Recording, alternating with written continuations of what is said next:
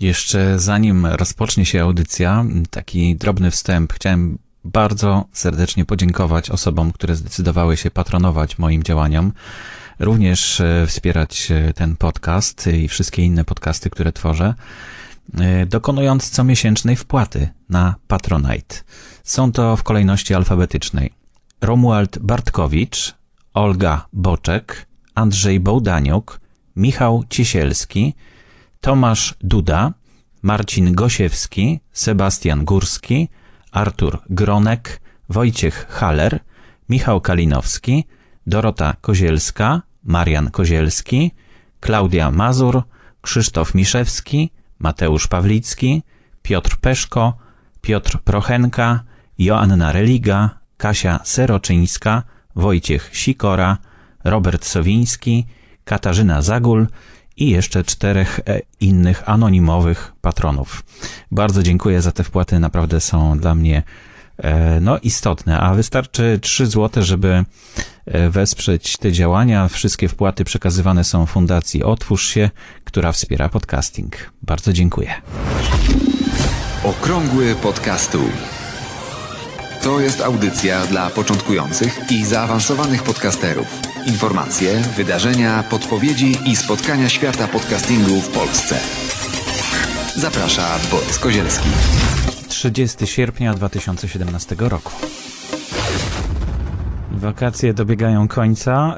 Nie spodziewałem się, że aż tyle informacji będzie ważnych i koniecznych do przekazania podczas wakacji. Wydawało mi się, że to martwy okres, ale nie w świecie podcastingu. Podcastów publikuje się dużo, nawet w wakacje, ale dzisiaj e, te sprawy bieżące, one nie są aż tak pilne, więc zostawię je na następną audycję, bo dzisiaj jest e, zaplanowana dosyć długa rozmowa.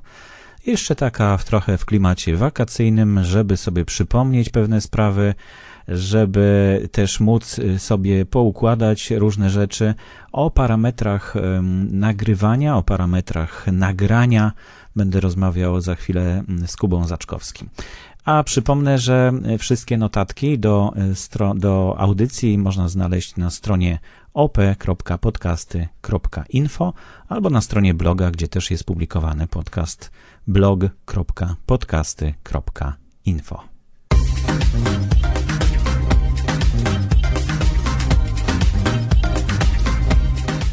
Do mikrofonu zaprosiłem dzisiaj e, Kubę Zaczkowskiego. Witam cię. Dzień dobry. E, ty jesteś e, absolwentem Wydziału Reżyserii Dźwięku Uniwersytetu Muzycznego Fryderyka Chopina. Tak, zgadza się. O podcastach już słyszałeś? Słyszałem. W drodze. W drodze. Zanudziłem cię pewnie opowieściami o podcastach, ale przy okazji umówiliśmy się na spotkanie właśnie dzisiaj w studiu żeby opowiedzieć o takich troszkę bardziej zaawansowanych e, sprawach z punktu widzenia podcasterów, no bo to nie są zaawansowane rzeczy, jeśli chodzi o naukę w ogóle akustyki czy, czy reżyserii dźwięku. Natomiast e, no, z punktu widzenia podcastera, który ma telefon i nagrywa na telefon na przykład swoje podcasty, albo ma jakiś mikrofon podłączony do komputera i nagrywa, no to dla niego to są zaawansowane rzeczy. A tymi zaawansowanymi rzeczami to są na przykład parametry tego dźwięku, który jest nagrywany. Sporo osób, e, które nagrywa podcasty, w ogóle się nad tym nie zastanawia, ale używając na przykład dyktafonu, czy przygotowując plik podcastu, no trzeba te parametry w tym programie, w którym się nagrywa, określić. No i to są takie trzy podstawowe parametry. Możesz mnie poprawić oczywiście, jeśli coś jest więcej. Czyli kilobipsy, na przykład kilobity na sekundę, to są chyba tak? Tak, tak. Kilobits per second, czyli... Kilobipsy, tak się w skrócie chyba mówi, tak, o tym? Tak. Czy, czy są jakieś inne nazwy? Kilobity na sekundę, tak? No, kilobity na sekundę, tak, naj, mhm. no, najprościej. To jest jeden parametr. Drugi to są kiloherce albo herce. Tak bo kilo to jest e, tysiąc razy. Tak, to jest prostu. przedrostek, mhm. wiadomo. E, I są jeszcze bity. Mhm. Bity zostawiam na koniec, bo to jest takie coś, co, co najwięcej kłopotu sprawia nawet zaawansowanym podcasterom. Natomiast powiedz na początku, co to są te kilobipsy. To znaczy, przede wszystkim musimy rozdzielić dwie rzeczy, czyli właśnie oddzielić kilobity na sekundę jako taką miarę ilości danych, od kiloherców i bitów, które są związane z przetwarzaniem dźwięku na format cyfrowy, który jest możliwy do zrozumienia przez komputer. No właśnie, trzeba by było chyba od tego zacząć, że dźwięk to jest zjawisko analogowe, tak? To znaczy, wydając dźwięk czy słysząc dźwięk, to jest drganie powietrza. Tak, ale to zostawmy sobie na później, skoro chciałeś zacząć od kilobitów na sekundę. O co chodzi z kilobitami na sekundę? Chodzi o to, że dźwięk, i który zarejestrujemy w komputerze, możemy zapisać w różnych formatach.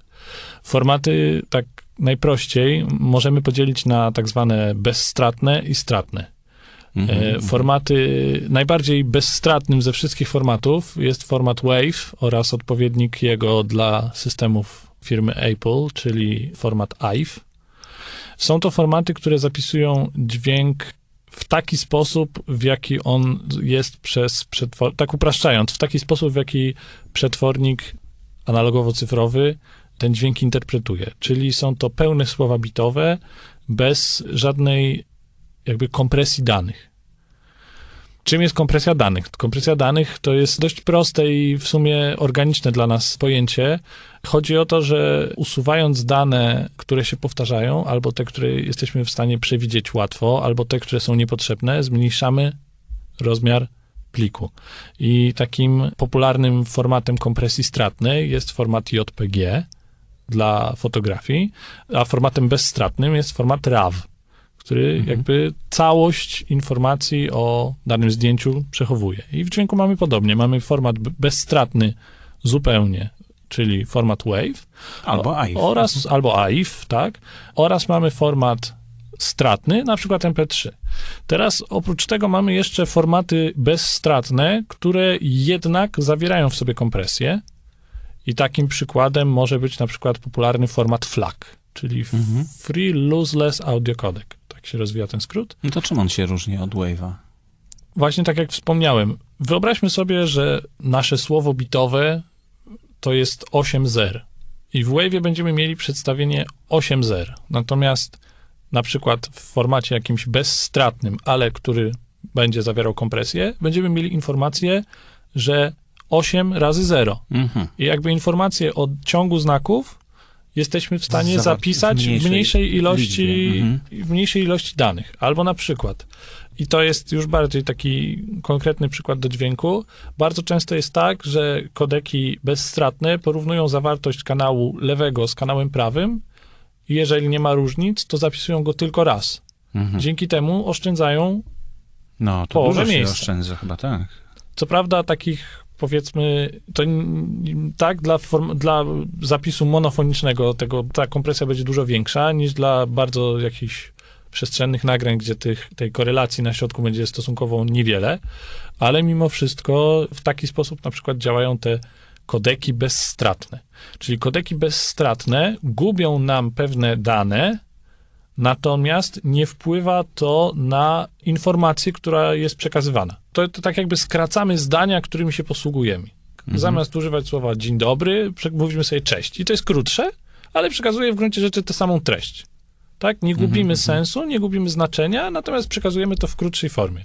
To takim samym kodekiem w pewnym sensie bezstratnym są skróty, które robimy pisząc SMS-y, które są dużo bardziej popularne w języku angielskim, Albo w encyklopedii. Albo w encyklopedii, skróty. tak? Mhm. Skróty. To jest pewien format, pewien sposób kompresji danych, danych, czyli dane to jest informacja, Mhm. czyli kompresujemy, kompresujemy dane w ten sposób, żeby informacja została przekazana prawidłowo, ale żeby zmniejszyć ilość znaków potrzebnych do jej zapisania.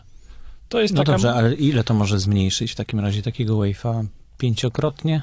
Nie, to znaczy formaty kompresji bezstratnej no z siłą rzeczy nie są w stanie zmniejszyć o taką wartość. Ale jest to mimo wszystko wartość zauważalna, bo na przykład płyta, y, jedna, jeden, jedna płyta CD zapisana w Wave'ie, no to jest około, sied- no wiadomo, w zależności od tego, w jaki sposób Mhm. jest wypełniana materiałem muzycznym, ale o, to jest około 700 megabajtów, natomiast w formacie FLAC to będzie około 500 megabajtów. Czyli mamy jakby oszczędność 200 megabajtów, czyli około y, 25%, czyli nie jest to wcale mało. Sporo, tak. Mhm. E, To są kodeki bezstratne. Natomiast przechodzimy do kodeków stratnych. Kodeki stratne to oczywiście takie, w których gubimy oprócz pewnej ilości danych gubimy pewne, pewną ilość informacji i godzimy się na pewien kompromis między jakością dźwięku, a ilością danych potrzebną do zapisania tego dźwięku. Mhm.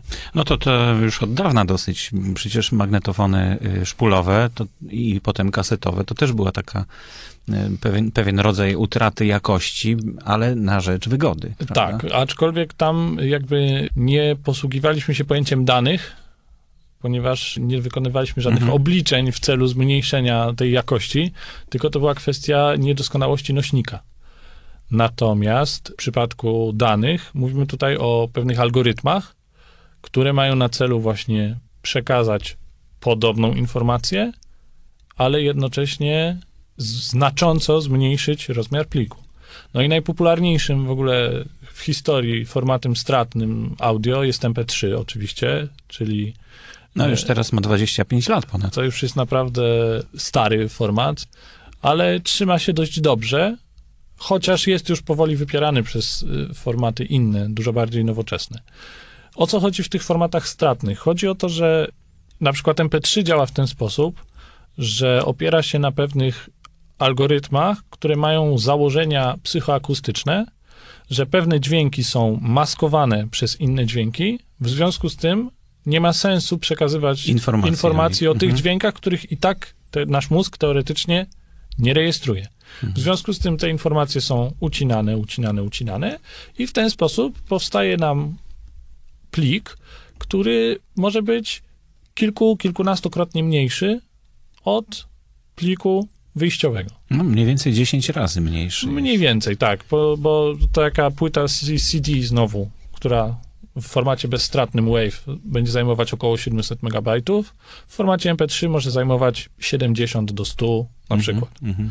I teraz w związku z tym, że i tak gubimy pewną ilość informacji, to użytkownik może zdecydować o tym, jak dużą część informacji chce zgubić albo musi zgubić. I do tego właśnie w przypadku formatu na przykład MP3, bo tam to jakby zostało wprowadzone i przeszło do takiego powszechnego użycia, te kilobity na sekundę.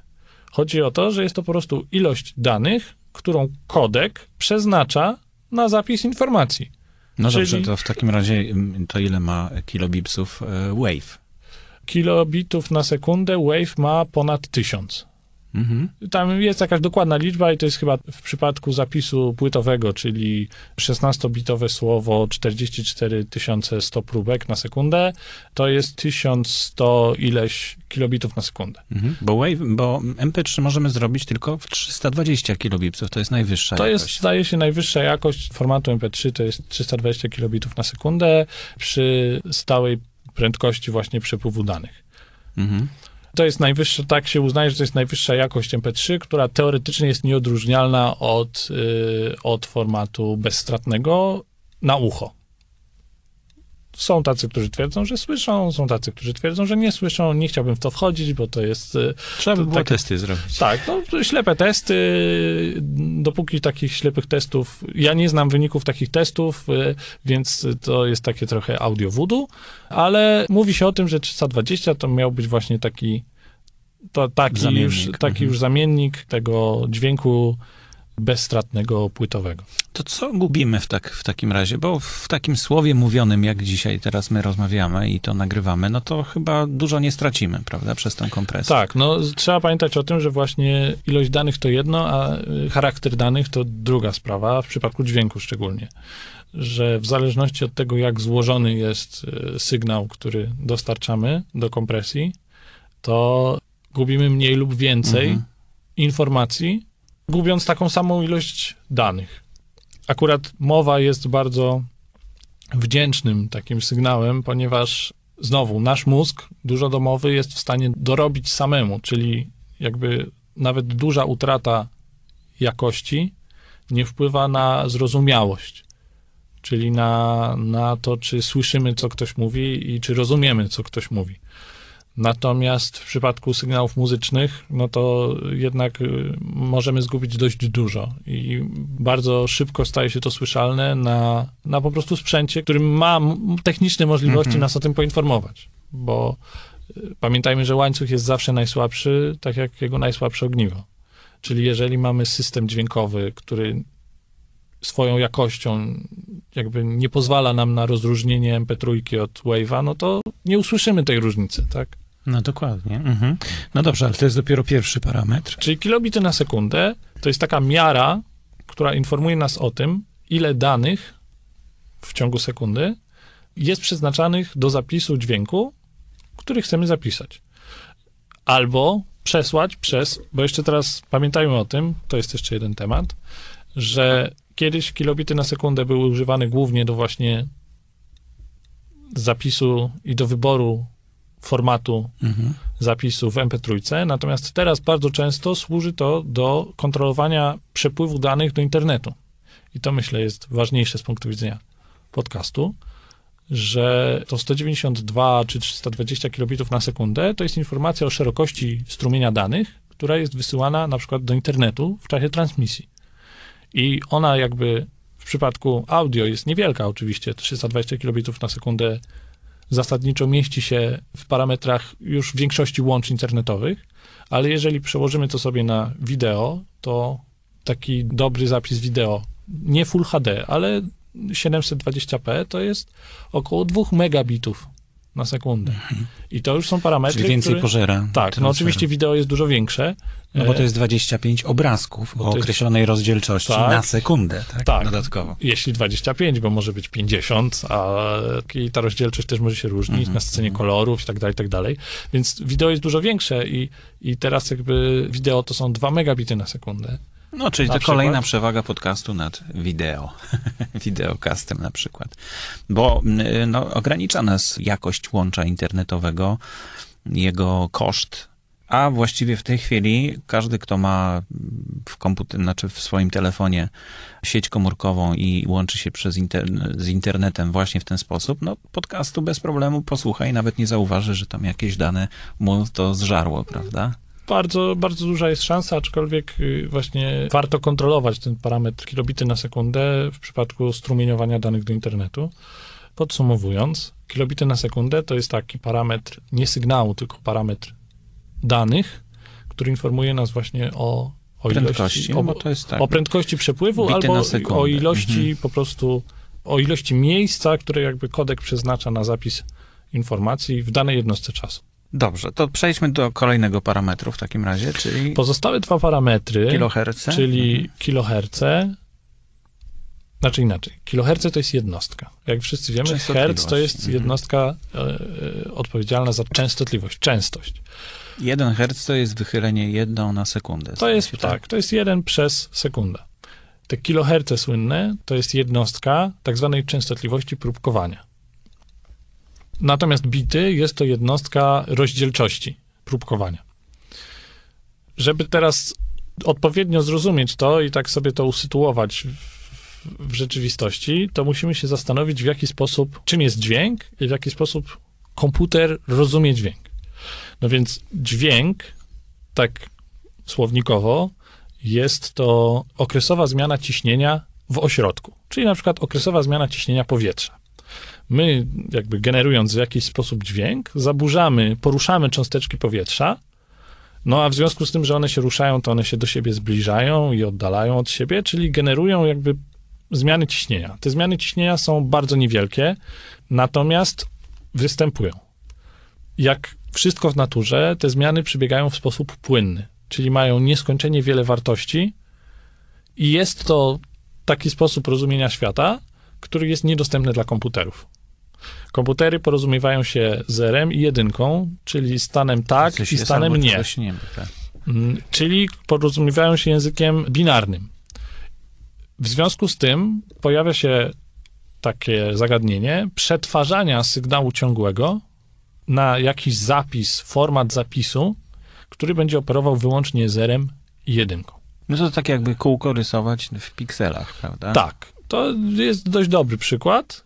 Yy, I w jaki sposób to się odbywa? Odbywa się to w ten sposób, że dźwięk, który na przykład ja teraz wypowiadam, wypowiadam do mikrofonu. Mikrofon posiada membranę, która reaguje przez swoje wychylenie na zmiany ciśnienia, które ja mówiąc generuję. To wychylenie, w zależności od typu mikrofonu, w różny sposób, ale jest przekształcane na sygnał elektryczny, wyrażony w voltach. Ten sygnał elektryczny wciąż jest ciągły, ponieważ zmiany ciśnienia są płynne, ruchy membrany są płynne, w związku z tym te zmiany Mhm. zmiany y, napięcia również są płynne i również są ciągłe w czasie. Czyli wci- i wciąż mogą przybierać bardzo różne wartości. Tych wartości jest nieskończoność, czyli wciąż komputer tego nie rozumie. Ale już mamy to przynajmniej w formacie elektrycznym, który daje nam możliwość w ogóle do tego komputera wejścia. I następnie ten sygnał elektryczny podlega takiemu zabiegowi, który się nazywa próbkowanie. Na czym on polega? Polega on na tym, że urządzenie co określoną ilość czasu pobiera próbkę i określa wartość napięcia w tej próbce.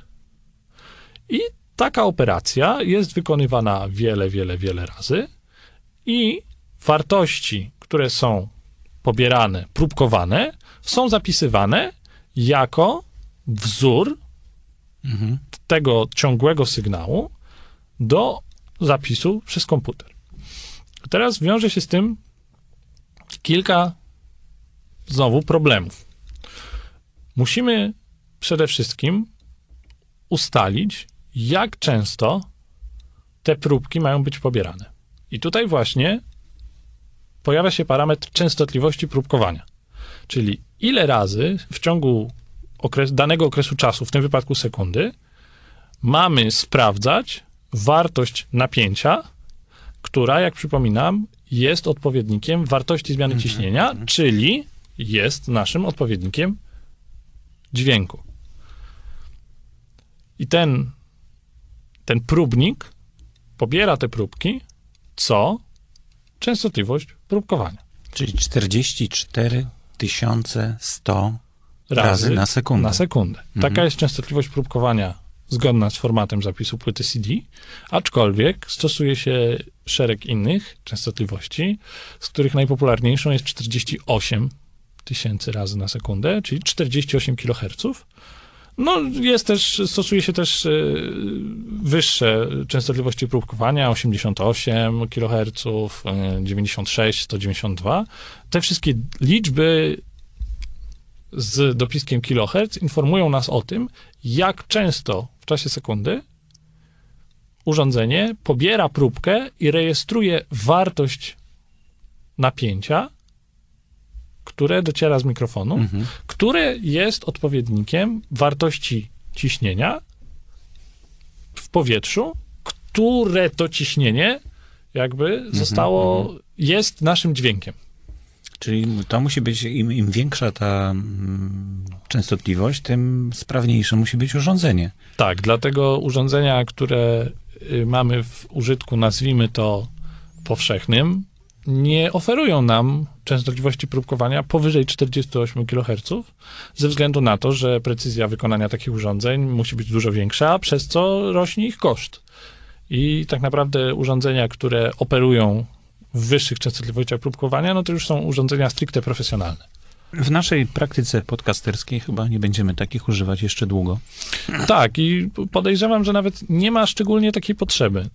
Skąd się bierze, bo może to też warto powiedzieć, skąd bierze się w ogóle taka, a nie inna częstotliwość próbkowania?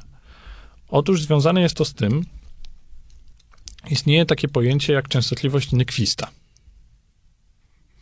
E, Pojęcie to określa nam, i jest to pojęcie, które pochodzi z takiego działu, który się nazywa teoria sygnałów. Ale chodzi o to, że częstotliwość próbkowania musi być przynajmniej dwukrotnie wyższa niż częstotliwość sygnału, który jest próbkowany. I teraz po polsku. Zdrowy, młody człowiek jest w stanie rejestrować dźwięki w zakresie pomiędzy 20 Hz a 20 tysięcy Hz. Te dźwięki i te drgania, które są poniżej 20 Hz, nazywamy infradźwiękami. Te dźwięki, które i te drgania, które są powyżej 20 tysięcy herców, No, to są ultradźwięki. Mhm. Pies słyszy ultradźwięki. Pies słyszy ultradźwięki, ale ultradźwięki, Nietoperz nietoperz, ale delfin, ale nie- ultradźwięki są wykorzystywane też chociażby, prawda, w ultrasonografii. Mhm. I teraz w związku z tym nasza informacja, która jest dla nas użyteczna, mieści się w przedziale od 20 Hz do 20 kHz. Teraz, żeby zakodować częstotliwość 20 kHz, potrzebujemy przynajmniej dwóch próbek na to. Jedna próbka będzie informować o górnym wychyleniu tej falki, Mhm, mhm. a dolna próbka będzie informować o dolnym wychyleniu tej Czyli falki. o fazie i o przeciwfazie. Tak, czyli o fazie i o przeciwfazie. W związku z powyższym, na każdy okres fali 20 tysięcy herców potrzebujemy dwóch próbek. Stąd bierze nam się 40 tysięcy herców jako minimalna częstotliwość próbkowania. Skąd bierze się pozostałe 400 albo pozostałe 8 kHz dla zapisu tego, nazwijmy to profesjonalnego? No wynika to już z samego, z samej budowy urządzenia, które ma ten dźwięk analogowy przetwarzać na zapis cyfrowy. Tutaj musimy wprowadzić kolejne pojęcie, którym jest aliasing. Mhm. Chodzi o to, że to, że my słyszymy 20 kHz, to jak już wspomnieliśmy, nie znaczy, że na 20 kHz kończy się świat dźwięku, tak? Bo psy mają wyższy zakres słyszenia. Chodzi o to, że sygnał, czyli dźwięk o wyższych częstotliwościach niż te 20 tysięcy herców, który pojawiałby się na urządzeniu, które próbkuje z częstotliwością 40 tysięcy herców, również byłby próbkowany.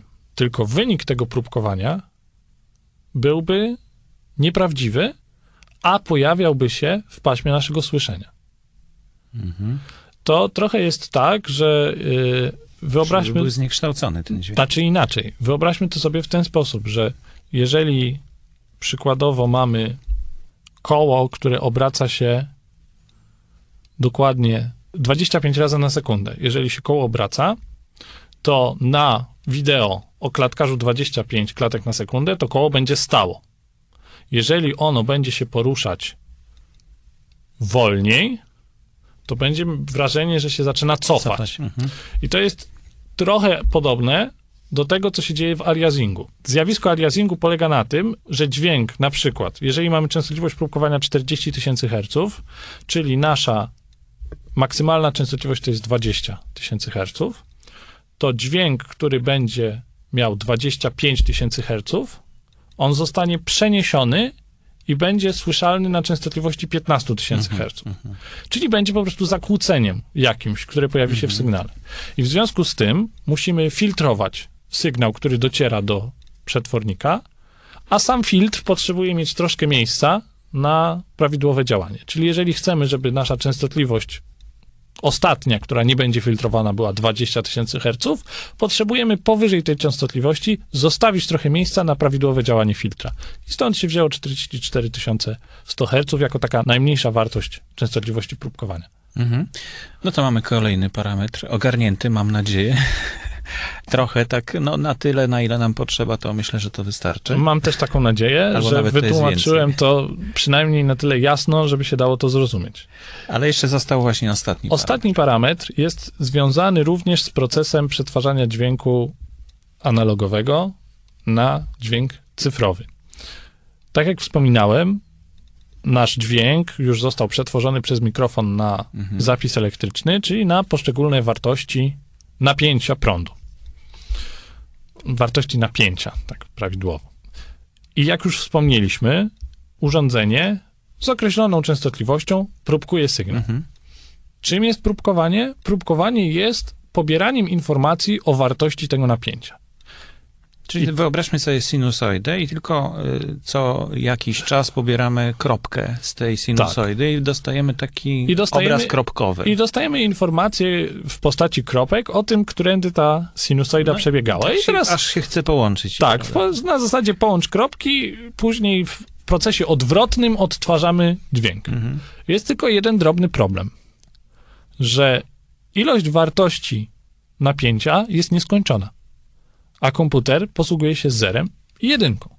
W związku z tym działa w sposób skończony i ograniczony. I teraz pojawia się pytanie, w jaki sposób zapisywać te wartości, żeby możliwie precyzyjnie odtworzyć później przebieg ciągły. I teraz jest pojęcie właśnie bitów. Liczba bitów określa nam długość słowa bitowego używanego do zapisu poszczególnej próbki. Innymi słowy, jeżeli chcemy sobie obliczyć, ile bitów na sekundę zajmuje nasz zapis, to wystarczy pomnożyć częstotliwość próbkowania przez ilość bitów zapisu. To będzie nasza informacja w bitach na sekundę, ile tych bitów do zapisu bezstratnego jest potrzebnych. I teraz, mając 8-bitowe słowo, jesteśmy w stanie zapisać 2 do 8 różnych wartości. Mając 16-bitowe słowo, 2 do 16. Mając 24-bitowe słowo, jesteśmy w stanie zapisać 2 do 24 potęgi różnych wartości. Innymi słowy, zwiększanie ilości bitów zwiększa nam precyzję odwzorowania sygnału. Bo jakby poruszając się w jakimś tam zakresie, albo dzielimy to na 8 kratek, tak w skrócie, albo na 16, albo na 24. No im więcej, tym dokładniejsze. Im więcej, tym kropki. dokładniejsze. Mhm. Z tym, że oczywiście 8, 16, 24 to jest taka uproszczona wersja, bo tak naprawdę dzielimy to na 2 do 8, 2 do 16 albo 2 do 24 tych kratek. Mhm. Nawet nie chcę wiedzieć, ile to jest 2 do 24. W każdym. Dużo. Dużo. Dużo. W każdym razie, im bardziej precyzyjne jest odwzorowanie tych kropek w pionie, tym bardziej gładka ta sinusoida wychodzi Mhm. tak porównanie do kółka w pikselach jest jak najbardziej trafne. Jeżeli będziemy mieli w 8 pikselach narysować kółko, no to wyjdzie nam mocno kanciaste. Jeżeli w 16 będzie mniej kanciaste, w 24 będzie jeszcze mniej kanciaste, a w Full HD to będzie nawet przypominać kółko. No jeszcze z, z odpowiedniej odległości na to będziemy patrzeć. Tak, z nie? odpowiedniej odległości, jeżeli będziemy na to patrzeć. I teraz te bity właśnie wspomniane, czyli ta długość słowa bitowego, informuje nas właśnie o ilości możliwych miejsc do ustawienia Mhm. tej rzeczonej kropki. Oczywiście wiele z faktycznych pomiarów nie trafi na ten stopień, który Mhm. który nam wyznacza ilość bitów. Czyli ta nasza podziałka, nie zawsze sinusoida trafi na naszej podziałce dokładnie w to miejsce, w które powinno. Dlatego jest taki proces, który nazywa się kwantyzacją, który polega na uśrednieniu tej wartości i dociągnięciu jej albo w górę, albo w dół do naszej podziałki. Co oczywiście zmniejsza nam precyzję odwzorowania tego sygnału, ale z drugiej strony umożliwia jego zapis. Im więcej bitów, tym ta kwantyzacja jest w mniejszym zakresie, bo nasza podziałeczka jest drobniejsza. No, ale nie można ukrywać, że ona nawet w najgęstszym zapisie zawsze występuje. No tak, nawet, nawet no, trzeba będzie się dokładniej przyjrzeć, ale będzie widać. Mhm. Tak, No bo ten zapis cyfrowy właśnie to wymusza, to nie da się inaczej. nie da się niestety inaczej. No ale dzięki temu możemy to kopiować bezstratnie zupełnie, prawda? Bo Tak. analogowe kopiowanie polegało na tym, że coraz bardziej traciliśmy jakość dźwięku. Tak. Co było związane jakby z degradacją nośnika Mhm, i z mhm. tym, że jakby zapis magnetyczny, bo taki był pierwotnie, magnetyczny albo fizyczny za pomocą y, wycinania rowka na płycie Mhm. analogowej, ale oba te zapisy po prostu z, wraz z ilością odtworzeń i z kolejną kopią straciły na po prostu na swojej jakości. No coś za coś, jak widać. Coś za coś.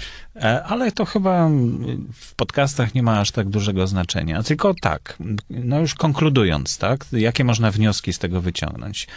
Czyli y, dźwięk najwyższej jakości będzie nieskompresowany w jak największej liczbie bitów.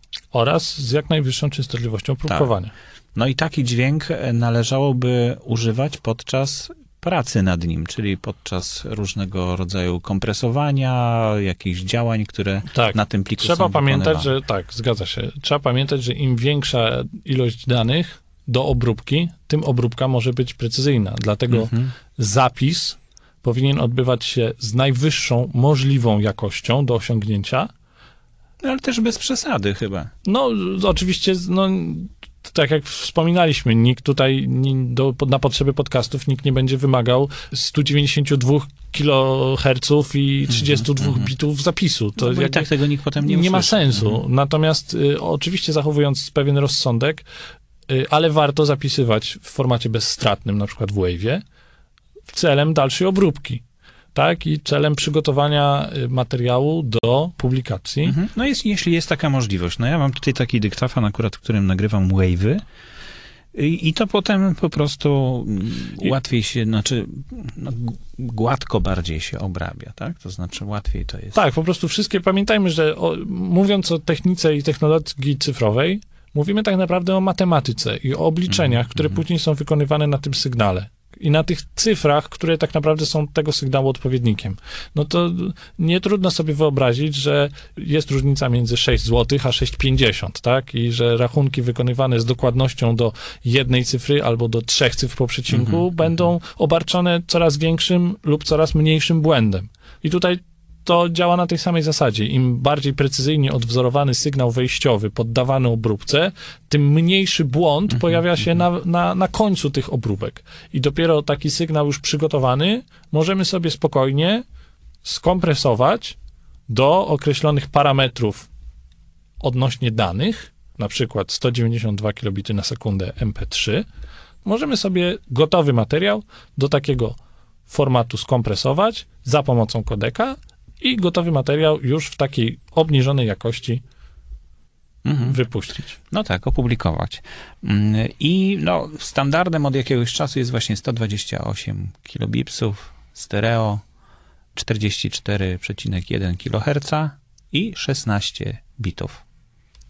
To jest taki standard, który mm, no, zapewnia w miarę dobrą jakość e, tego, czego potem słuchamy. Na zwykłych słuchawkach, zazwyczaj z telefonu, który też nie, nie jest jakimś urządzeniem wysokiej klasy, który potrafiłby coś tutaj jakby z- obniżyć jeszcze jakoś, prawda? Także jest. to, to powinno nam zu- zupełnie wystarczyć. Bardzo dziękuję Ci za ten Dziękuję e, również. wykład. Myślę, że zaawansowani podcasterzy są usatysfakcjonowani, troszeczkę więcej się dowiedzieli na temat dźwięku. Taką mam nadzieję. No i będę namawiał Cię na kolejne spotkanie, bo myślę, że temat e, jeszcze jest kilka tematów takich dla zaawansowanych, o których warto wspomnieć. Super. Dziękuję bardzo. Do usłyszenia.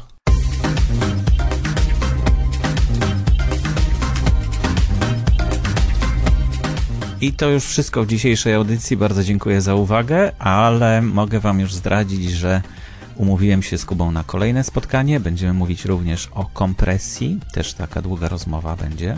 E, Więc e, w, naj, w jednym z najbliższych wydań Okrągłego Podcastołu wypatrujcie kolejnego nagrania. Aktualne informacje znajdują się również na stronie internetowej blog.podcasty.net